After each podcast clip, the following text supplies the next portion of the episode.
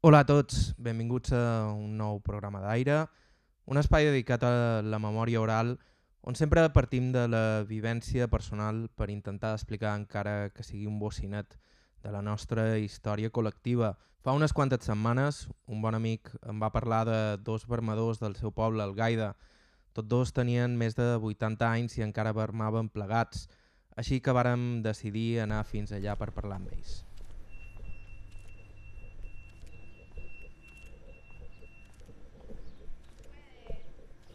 Bones. Què tal? I he quedat amb la Mireia. Ah, hola. Na Mireia és la cosina del meu amic i és eh, qui vàrem marejar durant un parell de setmanes per intentar concertar una cita amb els nostres vermadors. Ens varen trobar al celler dels vins Camp Majoral.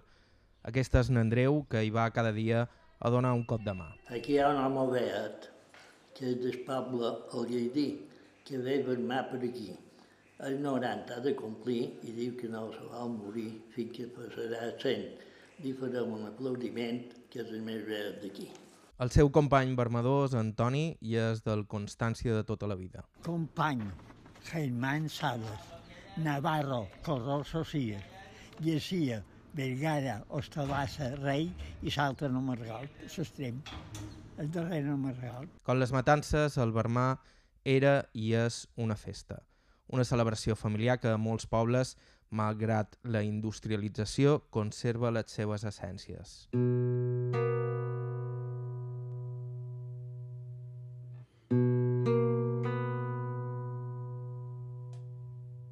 Avui a Aire parlant de vi, vinyes i vermadors. Començam. Vos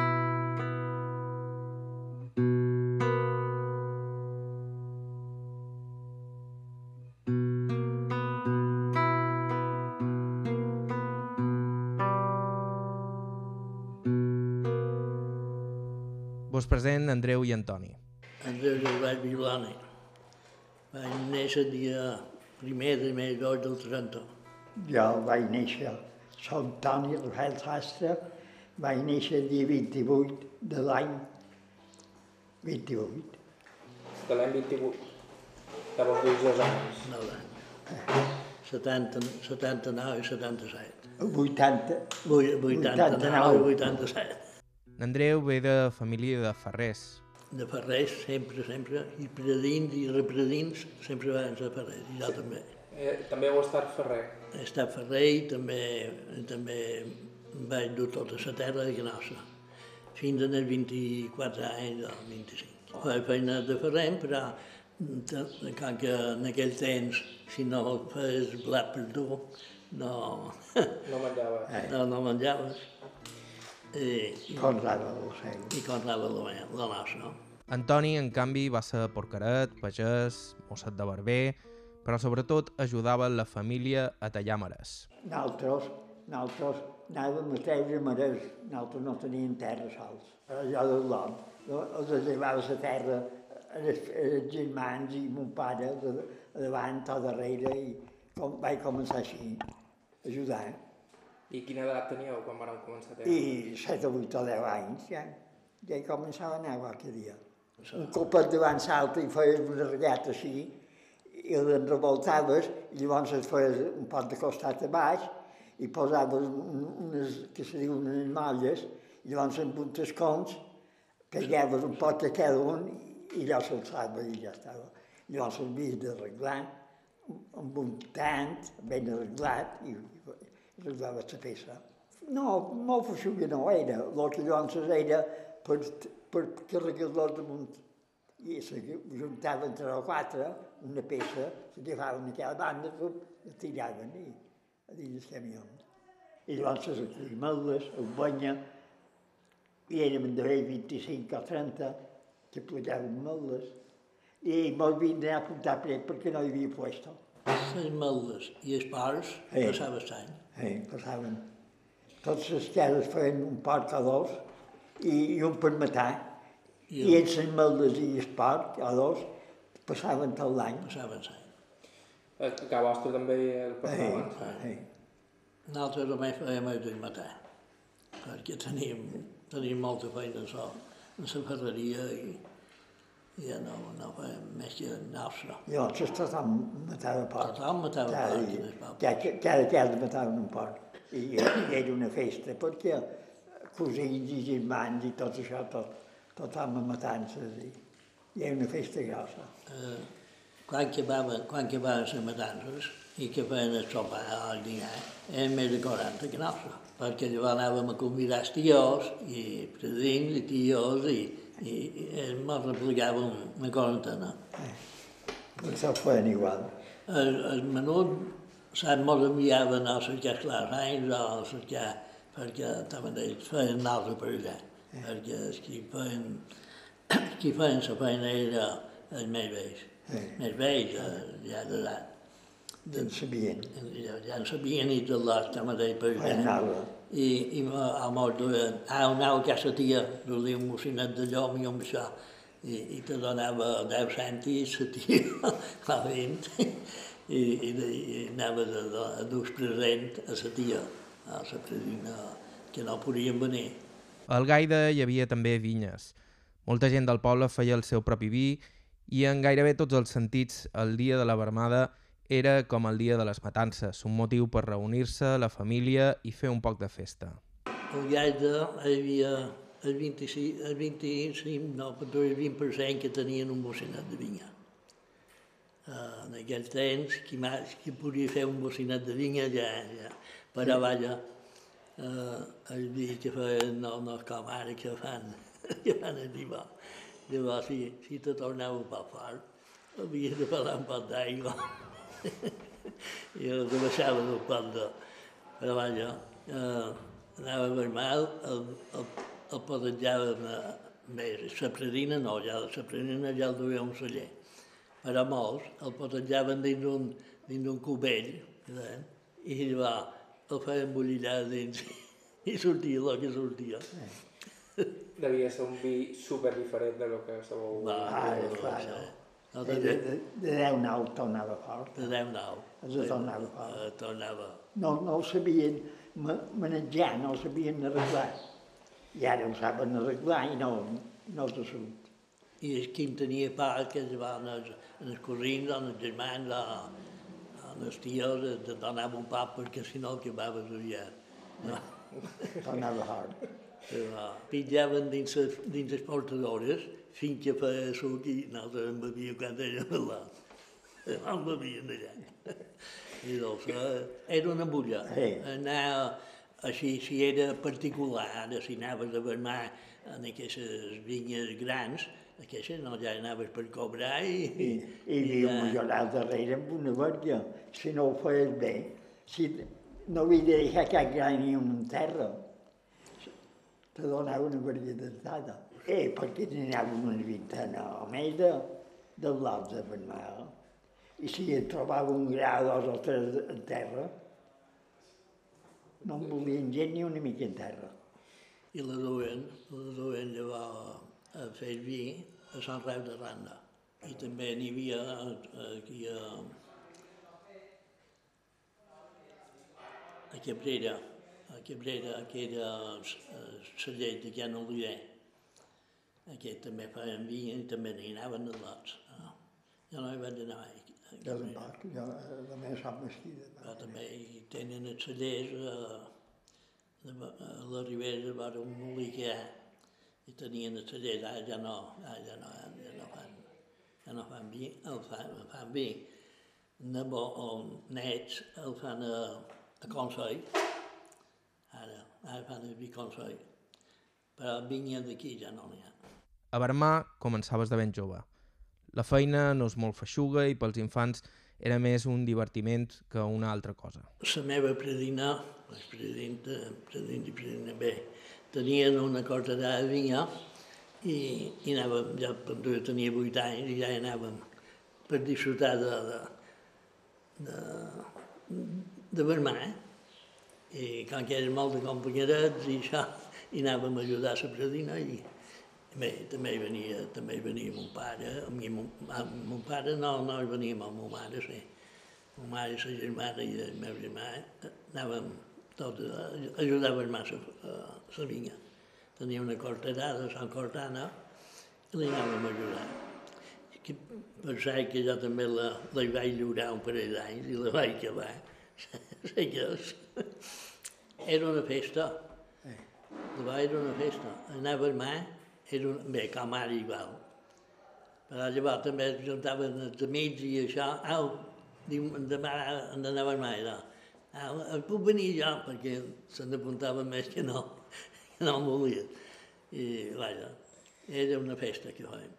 També tota la família i qualque convidat que amic de, de, de, de lot, d'això, anava allà i, i els al·lot només corrien, però vaja, anaven a la vinya i era una festa.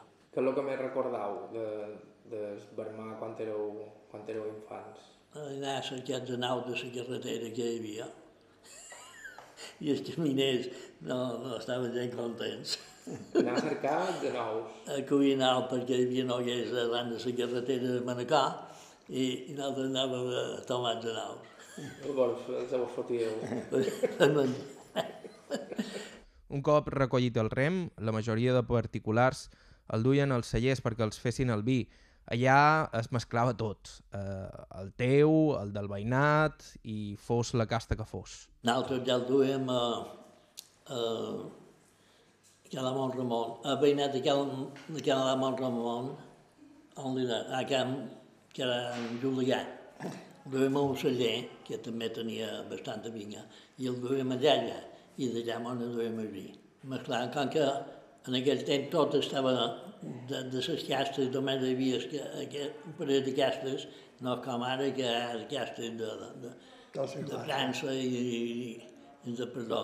No, llavors no. Llavors les autèntiques d'aquí. Que llet, el manto, el manto negre era molt bo, i que llet, i jo a vuit anys ja, ja ajudava a, a, a, a, no anava d'altre, però a vuit anys ja pitjàvem fins que feia suc de dins la portadora i em bevíem. ni miraven castes, ni miraven res, tot, si era blanc, blanc, el podam, si era verd, verd, tot anava dins, dins la portadora. Com vos podeu imaginar, el vi que ens sortia era completament diferent al d'avui en dia. Al mateix celler hi havia diferència d'una bota a la del costat, i no en parlem entre cellers. Temps anaves a cercar vi en un barral, un barralet, el t'omplien i i te n'anaves. I la, la vaca era que si, si aquest era un poc picat, te n'anaves l'altre. Llavors era, era... Polistriat. Polistriat. Si no t'agrada allà que agradava, anaves allà a sang, veus si era més bo. N'hi va veure que va dir al senyor, diu, ja, amb aquell vi més bo que, que vostre. Diu, per què? Diu, perquè si el seu està picat, vaig allà a sang. I vostre s'ha de veure el seu. I eh, se picava molt sovint el vi? No, aquest que ja en feien, que ja eren cellers grans, sí. que hi havia tres. Quatre o cinc puestos. Hi havia cinc, cinc puestos. Sí. I és que si no li agradava un puesto, anava, anava de lloc. Posaven dos de pi, diuen, allà en pot dos de pi, nou. Anirem a provar allà. I anaven, si t'agradava i tornaves, i si no, anaven a una altra banda. Què és això del brot de pi? per, per demostrar que tens... Per demostrar que, te, que venien vi. Que... Posaven un brot de pi. Un eh. brot de vi en el portal. Ah, un brot de vi. De, de pi, de pi. De pi, de pi no vi. No, un brot de pi. De pi. Un, un, sí. un parell de blanquetes formades i penjades al portal. De pi verd. I ja, ja sabia que allà venia. A Santa Maria, que ja ho fan, diuen. Per el viatge ja no. Ja no, eh. ja no. Però vaja, eh, que quan hi havia aquests cellers que l'any 60 i ja, eh, tot el brot de pi, si, si, si venia en vi, el brot de pi penjat. Sí, sí, si no, si no tenia vinya anaves a comprar. A comprar el barrelet de vi, el que va, te tornaves, si t'agradava allà, eh? tornaves allà. Res a veure en com consumim el vi avui en dia, o tot a veure Avui tenim cents de castes i mil marques i el vi s'ha convertit en un producte elaborat amb una cura increïble, en contrast a la manera que tenien de fer-lo fa no moltes dècades. Bona ara. I, i tot, tot, tot se fa màquina i llavors havies de trepitjar, havies de... Eh, Bé, havia de treure la, mà, la mala i ara, i ara quasi, quasi tot se fa màquina. Era, era dur lo de trepitjar-lo? I l'altre, altre, perquè en els cellers que hi havia el pelaven dins gerres i el tornava a trabucar dins un altre. Ja això ho he vist. Uh, i, i una altra gerra i ja he trabucat. I ara poses la manguera i, i la manguera te buida. Sí, I no se fa tot sol. Eh, van de dos que n'hi ha de A la seva edat, n'Andreu i Antoni encara baremen i volen seguir baremant. Aquí un home eh, que la feina no, no l'espanta. Ja s'acosta als 90 i cada dia ve per mà. I me diu que no se cansa en la feina que aquí fa. Això no me va fer i jo no sabia res. El darrer dia El del darrer dia que, després d'haver dinat, amb més de 100 persones que hi havia. cada vegada, cada vegada que hem fet fa 30 anys, de fa en el dinar o... Els de fa, els de fa gloses. I els diuen. N'Andreu li fa gloses en Antoni els dies de la vermada. De fet, en deixa escrites arreu, a la maquinària del celler, dins les caixes de vi. Diu que més d'una d'aquestes gloses ha viatjat a l'altre costat del món. Abans de partir encara me'n diu una altra. N'hi ha una que diu, jo Bermà m'he fet un tall i un que en tenia són dos. Un no se curarà mai l'altre és molt dificultós.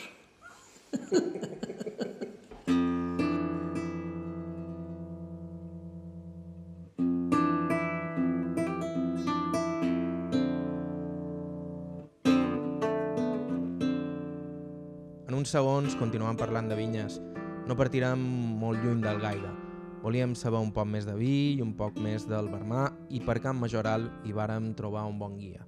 Fem una petita pausa i continuem.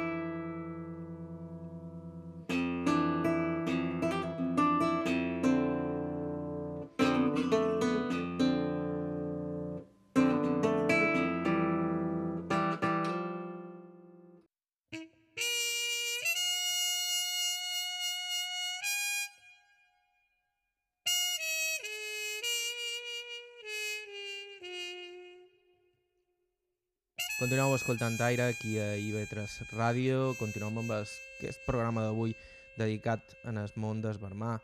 Com us hem comentat, volien saber un poc més de vinyes i de vermades i n'Andreu Oliver dels vins Camp Majoral és un expert en totes dues coses. Amb n'Andreu vàrem anar a fer una volta pels seus terrenys i allà ens va explicar uns quants secrets sobre el raïm abans i ara.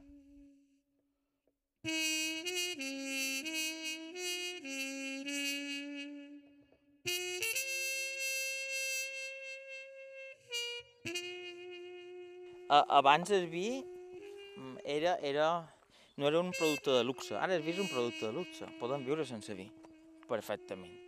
Per tant, de luxe no vol dir que sigui caríssim, a veure que te pot trobar botelles de 150 euros, però te pot trobar eh, gent que ven el vi a 1,50 euro el litre, o 2 euros el litre, però és un producte que podem passar d'ell. Eh, El meu predins, la botella de vi o el barral de vi més ben dit, sempre era damunt la taula. I jo sempre recordo la meva predina que, me de, que de 4 o 5 anys sempre li donaven una miqueta de vi. Per tant, tenien el vi interioritzat quan tenien sol i quan tenien el plat, aquesta trilogia. El vi era una cosa comuna i que ho tenien cada dia, era per veure cada dia. Ara difícilment veuràs molta gent que, que veu dues copetes de vi per dinar, de forma quotidianament, o de forma quotidiana. Abans sempre, jo sempre he vist els meus predins i la meva predina, un, una copeta o dues per dinar. I després per sopar una copeta o dues, el que ara recomanen els metges. I ara són més bevedors de cap de setmana o de vespres o quan anem a un restaurant. Però amb això ha canviat, eh? I jo crec que a, a, a, a l'enrevés. Abans en bevien més. Ara no en beven tant i de forma més esporàdica. El preu ja, ja, ja no, no té res que veure. I si, i si qualcú no se podia permetre comprar, sempre hi havia qualcú que el venia més barat, i si no, sempre hi havia gent que tenia una, una petita vinya i feien el seu, el seu propi vi. I encara hi ha gent, no tant, però ara mateix al Gaire encara hi ha bastanta gent que fa, que té mitja cortarada o un trosset de, de vinya i fa el seu vi i el que passa que ara s'atreveixen i compren de de ser inoxidable i volen fer blancs quan abans ningú feia blancs, però encara hi ha. en comparació amb abans n'hi ha manco, sí. Igual que ara la gent encara fa matances, però no en fa tantes com abans. Abans era fonamental fer matances, ara hi ha molta gent que ja passa de fer matances. I el vi passa un poc el mateix, eh, però encara se manté. Eh? I jo ho veig a que nostra, perquè a que nostra moltes vegades venen amics que han fet el vi de que seva i te demanen un consell i proveu, què trobes, què no trobes, com ho poden millorar.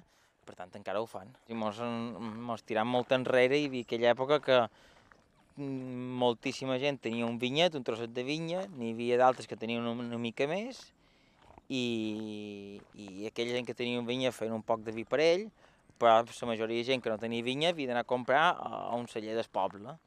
I, i hi havia, a lo millor, a cada poble hi havia, no ho sé, a lo millor hi havia mitja dotzena o una dotzena o més d'una dotzena de cellers i tu anaves triant o depenent de com se, com se feien el poble. El vinater, feia el vi, el venien al poble i com a màxim el venia un parell de pobles més. Ara ja no estan així. Hi ha gent que només ven vi a peu de celler i d'altres que ven vi per Mallorca i alguna banda més i d'altres que volen vendre vi per tot el món. Ens han globalitzat i, i, i ara pots veure una botella de vi de Mallorca a Xangai. Però el vi no només ha canviat en la manera en què es comercialitza, també el vi mateix, la producció del qual s'ha transformat gràcies a la tecnologia eren vins en els quals eh, era, eren vins on eh, els processos industrials no eren tan forts. Faltava material, no hi, havia, no hi havia control de fermentació, per posar un exemple, que ara qualsevol celler té control de fermentació i depòsit de ser inoxidable. Per posar una dada, el depòsit de ser inoxidable, que ara tots els veiem a tots els cellers, entren a Mallorca el 86, 1986. Els equips de fred que eren entrar també per aquella època per tant, no hi havia tot això, per tant, els vins sortíem com, com sortien. Ho intentàvem fer el millor possible, segurament les vinyes se duien impecablement, el terreny se duia impecable, i després quan entraven al celler sortia un poc com sortia. Si, si quan entrava al celler justament feia una calorada, pues aquell, aquell vi sortia d'una manera i si no feia tanta calor sortia una mica d'una altra. Depenia més de les condicions climàtiques que ara. Ara tu pots jugar més. Està clar que la vinya no. La vinya depèn de la condició climàtica perquè eh, no, no poden posar un, un, un gran paraigos que aturi la pluja ni poden posar un hivernacle enmig de la vinya. Ara el celler és una altra cosa, perquè ara si, si volen refredar un, un most el poden refredar, si el volem encalentir el podem encalentir, i coses tan senzilles, per exemple, que un, un quan veu una botella de vi veurà, veurà que sempre té, eh, posa allò de conté sulfits, que és el conservant del vi, ara és un, tant aquests conservants com altres productes són a l'abast de tothom i sabem perfectament com utilitzar-los, Uh, fa 60 anys molta gent no l'utilitzava i per tant hi havia un conservant menys i per tant el vi se podia picar i aquells que l'utilitzaven, en deixar clar, l'utilitzaven a lo millor sense molt de coneixements i d'aquella manera. Molta gent a vegades dius que abans els vins feien mal de cap. Bé, no era degut en el vi, era degut a que s'havien passat de dosi i havien tirat més sulfit que toca i el sulfurós, si te passes, fa molt de mal de cap i fa unes ressaques espectaculars i fa que el vi tongui, tingui gust una mica estrany. Per tant, a vegades era per excés, no per defecte. Per tant, depenia de tantes coses. Eh, als anys 70 hi havia conservants? Sí. Com s'utilitzava? Això ja depenia de, del coneixement de, de, dels vinaters.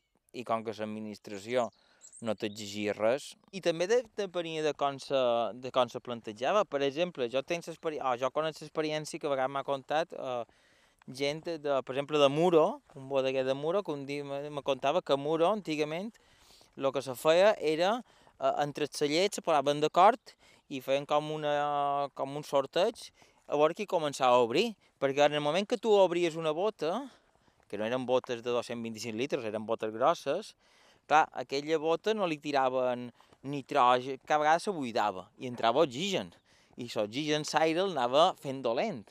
Per tant, què feien? Feien idò, el, prim, eh, el celler 1 obri primer la bota i de tothom només podia anar comprant aquell celler fins que la bota se buidava. Una vegada que se buidava la bota anava a un altre celler. I era una manera de que els vinaters no competissin entre ells, m'entens? I que, i que, bueno, ara toca aquest celler. Què passa? Que potser un celler o un vinater que no feia vins tan bons uh, durava més, perquè potser molta gent ja no hi volia anar a comprar tant, i quan venia el, el vinater que feia el vi més bo, en dos dies l'acabava, perquè tot l'eliminava a fer coes i, i endur-se vi. Depenia de cada poble, i després hi ha altres pobles que no, que els cellers no se posaven d'acord, per tant tots obrien i tu triaves, que t'agradava més el celler que fa en Joan, i t'anaves en el d'en Joan, que t'agradava més el d'Antoni, anaves el d'Antoni, com ara un poc. Que t'agrada més el, el vi que feien altres, compres el nostre vi. Que t'agrada més el vi que fa un altre, te'n vas al supermercat i en compres un altre. El que no ha variat gairebé és precisament la fermada, que continua conservant l'aire festiu i col·lectiu. Des de petit sempre he vist una festa, abans, quan jo era petit, que nosaltres no fèiem tant de vi i no el veníem, sinó ho fèiem per nosaltres. Uh, era una festa més de, de la família, amb els dos altres veïnats, els dos altres amics que t'ajudaven, perquè tu després els ajudaves a, anar a les matances, els ajudaves un altre moment. I ara, per molt de cellers, no tots, però per molt de cellers, és caire festiu encara hi és. També això ha canviat, perquè antigament vermàvem un dia. Vull dir, a la vinya hi havia 4, 6, 10, 14 varietats diferents de rem i no vermaven 14 vegades. Vermaven un dia i punt. Clar, actualment no. Cada parcel·la se verma per separat, si, si la parcel·la hi ha dues varietats diferents, cada varietat se verma per separat, per tant, han passat d'una sola vermada a lo millor, no ho sé, però a que nostra a lo millor feim entre 30 i 40 vermades. No totes són aquestes festives que hi ha tanta gent, Uh, algunes, sí, les altres són més... Uh, no li vull dir, dir professional, perquè, però són més de l'equip, més de la gent, però professional tampoc, perquè el berenar que no mos el llevin. I és el moment més fantàstic, jo els berenars de, de, de vermars quan m'ho pas més bé. Sí, ha sofert un canvi revolucionari el tractament del raïm dins el celler, la tecnologia ha fet que el vinater tingui molt més control sobre la producció i que pugui afinar molt més el tipus de producte que cerca. La gran revolució en el vi eh, ha estat els avanços tecnològics. Només basta veure un celler antic com, com era l'arquitectura i l'actual. Uh, no té res que veure. Vull dir, abans s'havia de fer tot per gravetat, ara ja ni fa falta això. Uh, la gran revolució són els avanços te tecnològics. Vull dir, ara, ara pots fer qualsevol cosa. Tens tens el mateix ordopoi que, que antigament, tens les botes de roure, que antigament també les tenien, uh, tens, uh, fins i tot tens la ceràmica, que, uh, que cada s'han tornat a posar de moda, i tens els cubs, que fa uns anys se varen denostar i ara tornen a estar, i però tens els nous, com, com els ous de formigó, depòsit de inoxidable, tens equip de fred, tens bombes, uh, tens bombes que el que te fan és eh, enviar líquids i pastes d'una banda a una altra, tens màquines per llevar la rapa, tens màquines, fins i tot ara ja hi ha una màquina que te tries gra, o sigui que te pots, tu li, tu li poses a la màquina eh, avui que només m'entries gra amb aquestes condicions de tamany, eh, tipus de color o, o, o tonalitat de color i, i forma. Això, com te pots imaginar, fa 20 anys això crec que no existia, però fa 100 anys era impossible. Per tant, el gran canvi és la tecnologia. Això sí que és el gran canvi. La tecnologia, a la vinya també, però no és el mateix fer feina amb visti que fer feina en tractor, ni haver d'esquitar amb, amb, una, amb tirant sofre en la mà, que hi havia sofre per tot, i un acabava en sofre d'alt amb, amb maquinària més moderna, això sí, però el gran canvi és la tecnologia. La tecnologia, com a mínim a Mallorca, va començar a arribar a final dels 80, o mitjan dels 80 va començar a arribar, i ara s'ha imposat. Poca gent en xerra, però a època de vermar, si te passeges un poc per les vinyes, a Mallorca hi ha més de dues i tres vermadores. No se'n sol xerrar perquè és més guapo dir que és manual que no màquina, però màquines de vermar a Mallorca n'hi ha no sé quantes, però com a mínim n'hi ha quatre. per tant, hi ha gent que les utilitza, perquè si no, no hi serien, perquè són màquines que costen molt de més. En Andreu li parla de la meva sorpresa quan els vermadors m'han parlat de com abans totes les castes de raïm anaven a parar ja mateix, fos blanc o negre, de manera que el vi sortia com sortia. Això és una cosa que se feia molt, vull dir. A més, si vas a vinyes vees de Mallorca, te'n te dones compte que hi ha una diversitat tot molt forta, així com altres zones de l'estat, eh, les vinyes velles són d'una sola varietat, o màxim n'hi ha dues, més aquell trosset de 4 o 5 ceps de rent de taula, perquè sempre, sempre hi ha hagut rent de taula, sempre, perquè també s'ha de menjar, i per tant sempre hi ha hagut rent de taula. A Mallorca, les vinyes velles hi ha de tot. Jo he vist vinyes velles que potser hi més de 20 varietats allà mateix, dins un cortonet. Potser ni una corterada, un cortonet amb 20 varietats diferents, entre calops, que són de menjar, mamelles de monja, que també bàsicament és rent de taula, i després comences en totes les autòctones que allà en Manto Negro, després comences a veure valents, I això ho i agafaven tot ho agafaven tot, uh, ho pitjaven ben pitjat de les portadores, que això ja no se fa perquè això ja era una, una pràctica que era per omplir-ho tot, però clar, ja, ja te començava a fermentar allà, no era la millor opció, i dins el depòsit. Ara, bàsicament, la gran majoria de gent el que fa és separar les varietats. I fins i tot, dins la mateixa parcel·la, si hi ha una mateixa varietat, però una zona madura diferent d'una altra, eh, agafar-ho per separat. Ara se separa tot, perquè una vegada que ho mescles ja no ho pot tornar a separar. Encara que s'ha de dir que des de fa uns anys hi ha una nova corrent, minoritària encara, però és una, una nova corrent que jo li he dit de tornar en els inicis, tornar a les essències. I ja hi ha una nova corrent de gent que diu, escolta, jo tinc aquest cortó, aquí hi ha una mescla, jo què sé, de fogoneu, eh, escurçac, manto negro i, i, i prensal, o sigui, tres de negre per posar un exemple i una de blanc, saps què? Tot en el mateix cub. Aquesta tendència que se va oblidar, torna. Ara s'ha posat de moda molt les paraules, vi de finca, vi de garage, vi... Bueno, doncs un vi de finca és un vi que se fa a una finca concreta. Si un té una finca concreta, que són, jo què sé, una, dues, tres, les cortaràs que sigui, i té aquesta mescladissa i volen fer vi que se fa en, aquesta, en aquest tros, ho ha d'agafar tot. Quan t'ho agafa? Ah, això ja és més complicat, perquè no és el mateix tenir, tenir una sola varietat que més o menys tot madura al mateix temps, que tenir dues, tres o, o deu varietats que maduren de formes diferents. Aquí sí que ja eh, el nivell del, vi, del vinyòvol o el vi- vinater ha de saber per saber quan l'ha de vermar per més o manco tot està en bones condicions. A Mallorca de varietats n'hi ha moltíssimes. Sempre n'hi ha hagut moltes, perquè quan un agafa llibres antics, ara mateix el llibre de Sarcí de Lluís Salvador, hi ha llistat immens de varietat, el que passa que hem de tenir en compte que a partir dels anys 70 mm, i 80 comencen a aparèixer varietats, for, varietats foranes, sobretot franceses. Comença a aparèixer Cabernet Sauvignon, Merlot, Syrah, Pinot Noir, Chardonnays, que abans no hi eren. Aquestes varietats van arribar a això, final dels 70, principi dels 80, en camps experimentals, i van, han arribat per quedar-se, perquè hi són.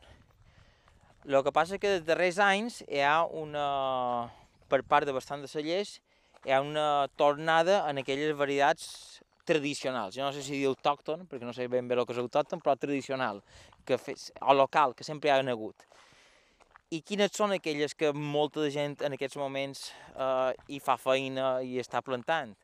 En cas de blancs n'hi ha bàsicament dues, que és l'esperançal i el giro ros, són les dues més clares, Uh, I en el cas de negres n'hi ha, uh, mira, ara farem els comptes, hi ha esquellet, que se manté, fins i tot augmenta, el manto negro, que sobretot a zona de Binissalem té molta força, el fogoneu, mm, que encara que no, no tingui tanta força se manté bastant bé, i després eh, algunes que havien mig desaparegut i han, estan tornant amb força, n'hi ha dues que havien quasi desaparegut i han tornat amb, una, amb relativa força, com la gorgollassa i l'escurçac. Mm? Després n'hi ha més, perquè uh, n'hi ha algunes més. El que passa que aquestes set que he anomenat serien les varietats locals que en aquest moment se treballen més. Ara, totes aquelles varietats uh, foranes que van arribar als anys 80 hi són, i són i se segueixen plantant, eh? i seguiran, eh? jo no crec que desaparegui. El misteri, però, és que has de menester per aconseguir un bon vi, una ciència que amb els anys els vinaters han aconseguit depurar al màxim. Per aconseguir un bon vi, el que has de tenir és un rem perfectament sa, ben madurat i que hagi anat madurant correctament. Per tant, la vinya el que necessita és no forçar-la, acompanyar-la, fer-li les feines que se li han de fer en el moment que toca, no forçar perquè tingui més producció ni perquè en tingui menys, que tingui la producció que hagi de tenir, i estar sempre atent, atent a que pues, atent a fer les feines que toca i sobretot després atent a les malalties. Quan tu comences a veure que hi ha qualque malaltia i comença a treure el cap, pues, d'aturar amb els productes fitosanitaris que tenim. I, i això són idees clares. Després, que hi hagi una bona maduració, que el temps mos, mos acompanyi per aquell darrer tram, aquell darrer mes, mes i mig que el rem acaba de madurar, i després eh, endivinar-la o saber l'endivinar els dies de barema, eh, saber triar bé el rem i després dur el celler i que el responsable de celler no es penyi la bona feina que s'ha fet a la vinya. En el fons d'això de la paciència, eh, tu no pots forçar a que les plantes tinguin més o menys, ni a, senzillament has de veure com reacciona. Tu el que has de fer és acompanyar. En el final la feina que, que fas a la vinya i també en el celler és acompanyar aquell producte i amb el coneixement que tens i l'experiència que tens, veure si fent-li una feina o fent-li l'altra, eh, allò anirà millor o no. És senzillament això. Xerraves d'això de saber triar bé el moment mm. de la barema. Sí. Eh, és molt complicat. És una mica complicat. bueno, no és molt complicat. La meva mesura que me fa gran no tot tan complicat. El que passa és que un ha de prendre bé les decisions perquè a vegades un, per motius que per una parcel·la concreta, que tal com ha anat tot, eh, tu ja tens una idea clara de quin tipus de vi pots, pots fer amb aquest rem, i a lo millor en el darrer moment succeeix alguna cosa que t'ha de fer canviar els plans. I això s'ha de tenir en compte. Per posar un exemple, per posar un exemple molt clar, imaginem-nos un rem negre, que no has tingut cap problema, tot ha anat molt bé, tu vols fer un vi negre, fins i tot te planteja fer un vinagre de criança, per tant has de, tenir molta, has de fer molta extracció, has de tenir un rem super madur, i per les condicions meteorològiques aquell rem no acaba de madurar i el pinyol segueix verd i segueix verd i després potser pega unes barrumbades fortes i dir, up, començaran a venir fongs i se produirà. Aquí has de plantejar, què vull fer? Vull estar, vull ser un caparrut i fer allò que volia fer o canvi? moltes vegades el millor és canviar i el millor és dir, pues, escolta, no té la maduració òptima per un negre de criança, però ja té aquella maduració per un negre jove o fins i tot per un rosat. Canvia, canvia el joc i anem a fer un bon rosat o un bon negre jove, i punt. Perquè moltes vegades si fas de caparrut i dius esperaré, esperaré, esperaré, allò no acaba de madurar, no madurarà i després quan vas a la vinya vermaro estarà ple de fongs i no te servirà ni per un mediocre rosatge. m'entens? No, no sé si exactament se preguntarà cap aquí, però sí. a vegades a vegades un el plantejament que té inicial, a mesura que la vinya creix i que el rem va creixent, el vas canviant. I a vegades tens una vinya que sempre ha fet un vinarros i ja per mes de juny veus que aquest any no serà any per motius que siguin. Eh? I a vegades sí, segueixes, segueixes, segueixes, i a vegades arriba el setembre i has de fer un petit canvi. El millor a vegades és canviar, perquè en el final és un poc com, no diré exactament igual, però en el final la nostra feina és una mica com cuinar. I el més important és la matèria prima. Si la matèria prima tu veus que no té aquelles, propi... que no té aquelles condicions per fer un producte concret, canvia-li, fent un altre, i ja està. El gran problema després és el responsable que ha de vendre. Que en el de vendre li ha de dir, no, ara ja no has de, no farem aquest vi negre X, farem uh, un rosat o una altra cosa Z. I te dirà, i ara com ho venc? Jo ja tenia tantes, tantes cases Sí, i això és, és un poc canvi, però bueno. Per n'Andreu, això sí, l'essència de fer vi continua sent la mateixa i el camp perseguit als vinaters no ha canviat mai. En essència és el mateix, perquè tant abans com ara el que, vo lo que volien els nostres repredins i el que volen nosaltres és, el millor rem per tenir un bon vi i poder-la disfrutar. Um, per tant, el eh, que s'ha de fer és cuidar i mimar molt la vinya i viciar-la molt i estar-hi molt damunt. En què ha canviat? bueno, fitosanitaris mm, sí i no. En el cas de l'agricultura ecològica no han canviat molt, perquè els grans problemes de Mallorca fins ara, les coses canvien, però fins ara són els fongs i els tractaments de fa 100 anys contra fongs són els mateixos que ara, amb ecològic, per tant, el sofre i, i, i coure, i és el mateix que ara, i, i el que sí que ha canviat, a vegades, està clar que en una vinya convencional ja hi ha altres productes, i el eh, eh, que pot haver canviat és que a la vinya hi has d'estar sempre. I pot ser que ara hi hagi gent que no estigui tant a la vinya. Però això s'han donat en compte que no és una bona opció. Perquè per tenir millor rem, crec jo, i per tenir un bon producte, t'has d'adelantar, i per tant has d'estar a la vinya sempre. Allà has d'estar fent feina sempre per veure quins possibles problemes tenen. Aquell plantejament, això sí que va ser un plantejament bastant no gaire bo, no només a Mallorca, sinó, eh, jo diria, per tota Europa, d'anys 60, 70, quan van aparèixer, els productes de síntesi química, no? que deien que, que ho mataven tot i ho arreglaven tot, eh, el problema que molta de gent va dir, doncs no fa falta anar tant a la vinya, quan vegem el problema tirem el producte i s'ha acabat la història. Aquest plantejament ja, ja ha desaparegut, perquè fins i tot els convencionals no el fan, perquè se n'han donat compte que, que uh, que sense prevenció no hi ha un bon producte. I a vegades aquest producte, quan hi ha una, un atac fort de qualsevol malaltia, per molt de productes de síntesi química que hi hagi, no, no ho atura. Ja ho tens empastifat tot. Per acabar, li demanen a Andreu per la feina dels vermadors i aprofit per fer punts, ja que hi som, a veure si l'any que ve me conviden a vermar a casa seva. Jo m'estic més vermar que anar a tomar les mai m'han agradat, però a part d'això, mai m'ha agradat tomar les Uh, anar a Vermar és més senzill, senzillament és anar a la vinya i amb unes vestidores i, i cuir, cuir rens. Té la dificultat, l'única dificultat és mm, anar alerta que has d'agafar rens, uh, has d'agafar els rens que no tinguin cap problema sanitari. I està clar que si un any tot és ben madur, no hi ha cap malaltia, no hi ha problema, anys en dificultats, hi ha d'anar gent amb una certa experiència i que també conegui les varietats, perquè a vegades eh, hi ha varietats concretes que, i anys concrets que tu per de fora veus els rens més o manco bé i de dins està mig produït. I hi ha petits detalls que un que té experiència els veu i ja veu que allò té problemes i per tant fa un tall mig, ho obri i veus que el cor està malament i d'altres que no. I després és vera, hi ha gent, hi ha gent que que en aquest cas, com diria, pues, no, sé, no sé molt bèstia. Hi ha gent que no sap vermar i jo crec que no sap ni tomar mels. Perquè hi ha gent que li expliques clarament, mira això, veus això tan negre, t'agrada? No. I d'això s'ha de tirar i des cap de tres passes segur que te tornen a ficar allò tan negre que és horrorós. I després li tornen a mostrar, te menjaries això? És que és molt senzill. Tu veus aquell, aquell rem, tu te menjaries això i tu veus un parell de grans o en verdet o negre o fins i tot amb, amb, amb botritis o fins i tot amb prodidura àcida, que fa un poc d'olor de vinagre, si els hi dius, tu te menjaries això, la resposta és clara, no. Però a vegades hi ha vermadors, no sap ben bé per què, que no se'l menjarien, però ho fiquen dins el canastro.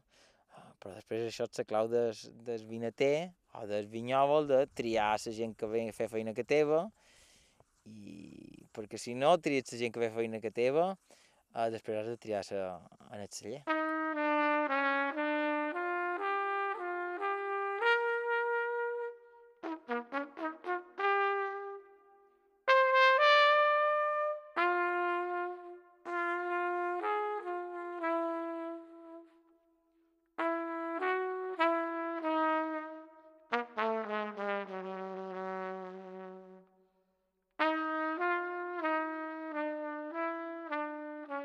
I fins aquí el nostre passeig per al Gaida. En uns segons anem a Falanits, continuarem parlant de vi, encara que amb una història més bé trista. Serà d'aquí un moments aquí a Aire.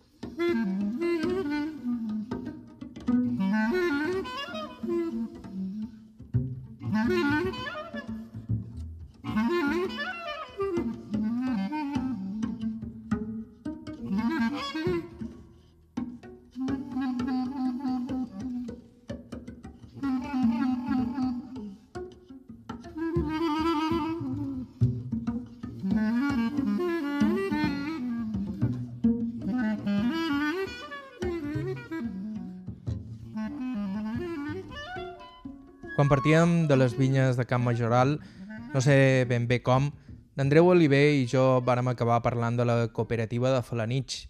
Potser els més joves ja no relacionaran el nom de Falanitx amb el vi, però un temps el poble va ser la seu del celler més modern d'Espanya i el més important de Mallorca, construït, a més, pels mateixos pagesos del poble.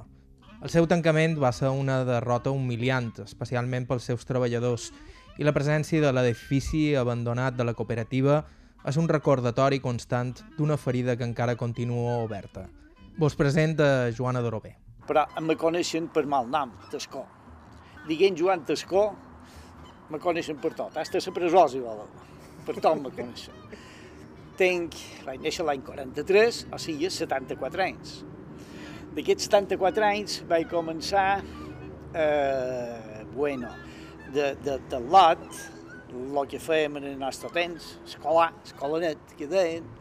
Després eh, vàrem anar a l'institut, bé, escola, després d'aquestes monges, un institut de primera ensenyança, i després vàrem anar a l'institut laboral, a fer batxiller. Mentrestant feia batxiller, quan que mon pare era xòfer d'aquí que repartia el vi a tot Mallorca, eh, havien de mastar gent en l'estiu, per allà de la Verema i per trasbalsar vi i tot aquest tinglada. I van dir mon pare si jo hi vendria i vaig dir que sí, perquè mai m'ha agradat estudiar. Sempre m'ha agradat més fer feina. Estudiar és, per jo és pesat i la feina la disfrutes. I de petit ton pare ja se dedicava, ja feia feina a la cooperativa? En què mon pare va començar en els 18 anys i ara en tindria 103. O sigui, va començar amb un camió a repartir vi pels pobles. En Joan Tascó és el treballador més antic de la cooperativa i com el batle de l'edifici, més perquè ningú altre se'l coneix i l'estima com ell que perquè hagi volgut ser-ho. I costa destriar els seus propis records del treball amb el vi, de la visió que té del seu poble. Que diferent era. La gent mos duen molt bé, eh, hi havia una família gran, eh, eh, hi veiem futur, eh, perquè no parlant de més enrere, quan el meu padrí van, van hipotecar tot que seva per fer la bodega, però hi havia matança, hi havia pel·les, hi havia cooperativa, hi havia tallers, hi havia tallers de roba, de sierres polleres, d'això que s'embatonen, eh, mil coses, mil, mil, mil coses hi havia. Pel·les, no en parlem, va durar una decadència, no sé per què, perquè érem el tercer poble de Mallorca, i hem passat a ser, no el darrer, allà de sa, allà de sa. Ha passat davant Manacor, Inca també ha passat davant, eh, bueno, els pobles del redador, Porreres, Santanyí, Campos, tot això m'ho ha passat, però d'aquí et s'ocupa, ah, res a saber. en Joan Descó s'ho pren amb humor, perquè aquesta és l'única manera que té de parlar de la cooperativa de Falanich, una empresa que va començar a principis del segle passat i va ser durant dècades l'orgull del poble. Això se va fer, se va començar eh, l'any 1919. Se va començar, se va posar la primera pedra, aquí on eh, varen reunir eh, en els casinos de Falanich, eh, diríem el senyor, un dels senyors, Tomeu Vaquer, després hi havia un capellà, el capellà Sart, eh, i després don Ernesto Mestre, que era un enginyer català que va venir a l'estació analògica. I quan va veure això, el terreny de Falanits i tal, va fer, varen fer, fer uns anàlisis a les terres. I va dir això, això és per fer vinya i que home, en cos i ànima, aquests tres s'hi varen tirar, varen conquistar els pagesos i a poc a poc, 223 pagesos varen empenyorar tot que seva, tot el que tenien a que seva, per fer préstamos per fer això endavant. Ells venien, ells venien eh, aquí a fer feina, les hores perdudes, les hores perdudes venien i portaven en els carros, en la feina, a la mala, no, no, no hi havia grues ni res de tot això, amb una corda i una corriola, fent tota aquesta, aquesta de feina. Això era el meu padrí. Això estava en el llibre de testa, va sortir com un modelo perquè l'enginyer, don Ernesto Mestre, va eh, aprofitar el desnivell per no emplear tantes bombes ni tant això, hi ha tres, tres pisos allí des de darrere i va aprofitar de nivell. O sigui, i una, una arquitectura que qualsevol estranger que ve, o qualsevol que no va venir mai, diu això pareix un castell, pareix un monasteri, pareix un tal en qual. I de dins, bueno, eh, les tines i sí. Hem quedat, de fet, davant l'antic edifici de la cooperativa. Molts l'haureu vist, un gran palau abandonat a les portes del poble, on ara hi van a passar l'estona grups de joves i turistes encuriosits.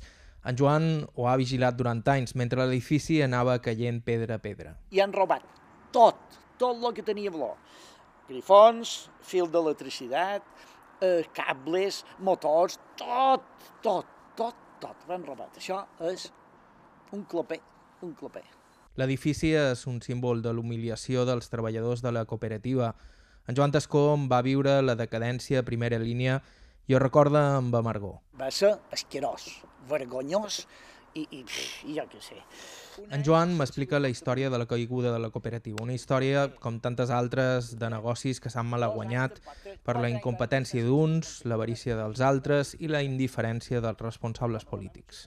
La història és massa llarga, però el resum és que tothom ho va veure venir i ningú va moure un dit per evitar-ho, i molts a Falanich encara duen l'espina clavada. El meu padrí va empenyorar tot.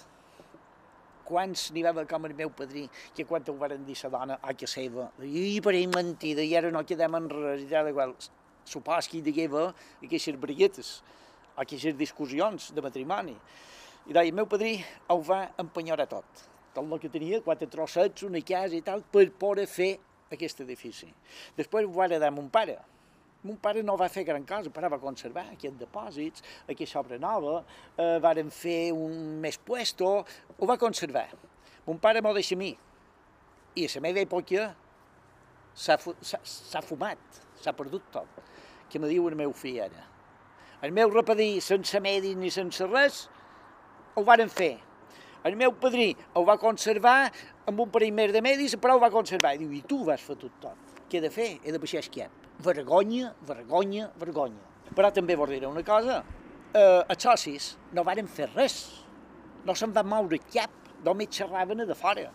I haurien de fer, i haurien de fer. Punyeta, reunim-nos, farem una investida, coratge, que tot això és nostre. I no hi va haver manera.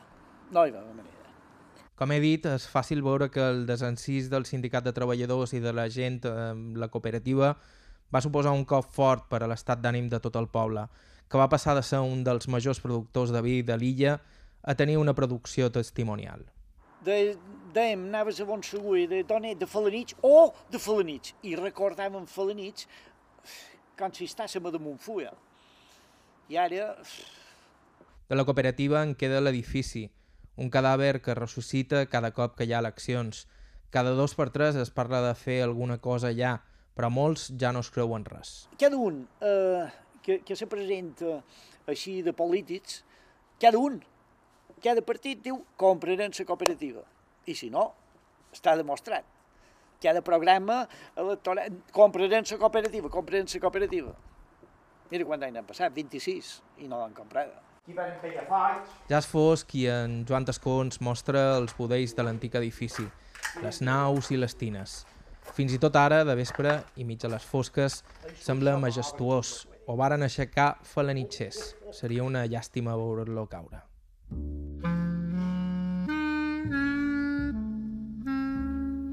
Fins aquí el programa d'avui. Vos recordam que alguns dels materials d'aquest programa Formen part dels fons dels arxius del SOI i l'imatge dels Consells de Menorca, Eivissa i Formentera i de l'Arxiu Oral de Mallorca de la Fundació Mallorca Literària Consell de Mallorca. Ens podeu seguir a Facebook, Aire IB3, a Instagram, aire barra baixa IB3 i també ens podeu contactar a aire arroba ib3radio.com. Vos ha parlat Joan Cabot. Fins la setmana que ve. Mm-hmm.